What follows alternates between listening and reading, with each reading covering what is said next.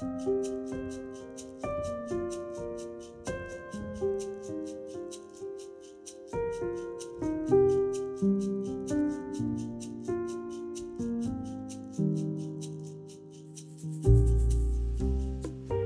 forstår hvordan du har det, sa kvinnen velmenende.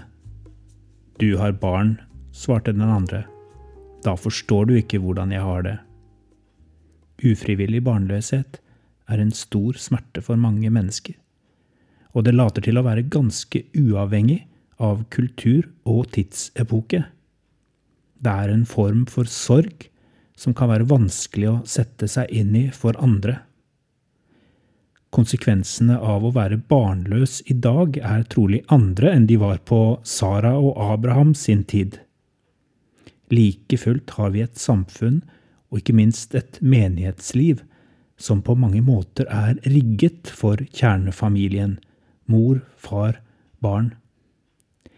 Dette er ett av flere temaer som lurer i bakgrunnen for den sprell levende bibelfortellingen i Første Mosbok 21 som vi fordyper oss i i disse dager da jeg er prest.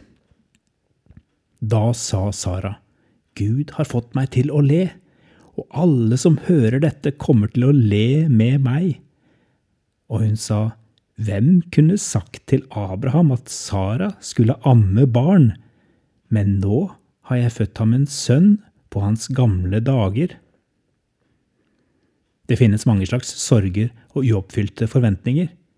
For den som tror, er det helt naturlig at slike spørsmål blir et tema i relasjonen til Gud.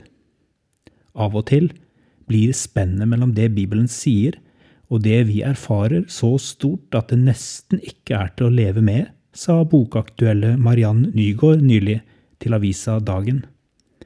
Hun ga ut boka Mens vi venter på et under for en tid tilbake. Nygaard sier Folk forsvinner ofte ut i menighetens periferi når sykdom gjør livet vanskelig. Mange slutter å be og lese i Bibelen og kutter ut forkynnelse. Boken til Nygaard tar opp hva en gjør mens en venter på et under, og hvordan en forholder seg til Gud når livet er vanskelig. Nygaard er bosatt i Sandnes og jobber som lærer på Imi-kirkens bibelskole Akta i Stavanger. Hun har selv opplevd en mirakuløs helbredelse i familien. Sønnen Adrian, som var alvorlig syk de første tolv årene av livet og har 40 operasjonsarr på kroppen, kunne plutselig spise, løpe, gå på skolen og gjøre alt det andre barn gjør. Familien er tydelige på at han ble frisk etter å ha blitt bedt for. Fortellingen om Sara og Abraham kan leses som en fortelling om å vente og lengte etter noe som kan virke uoppnåelig, menneskelig sett.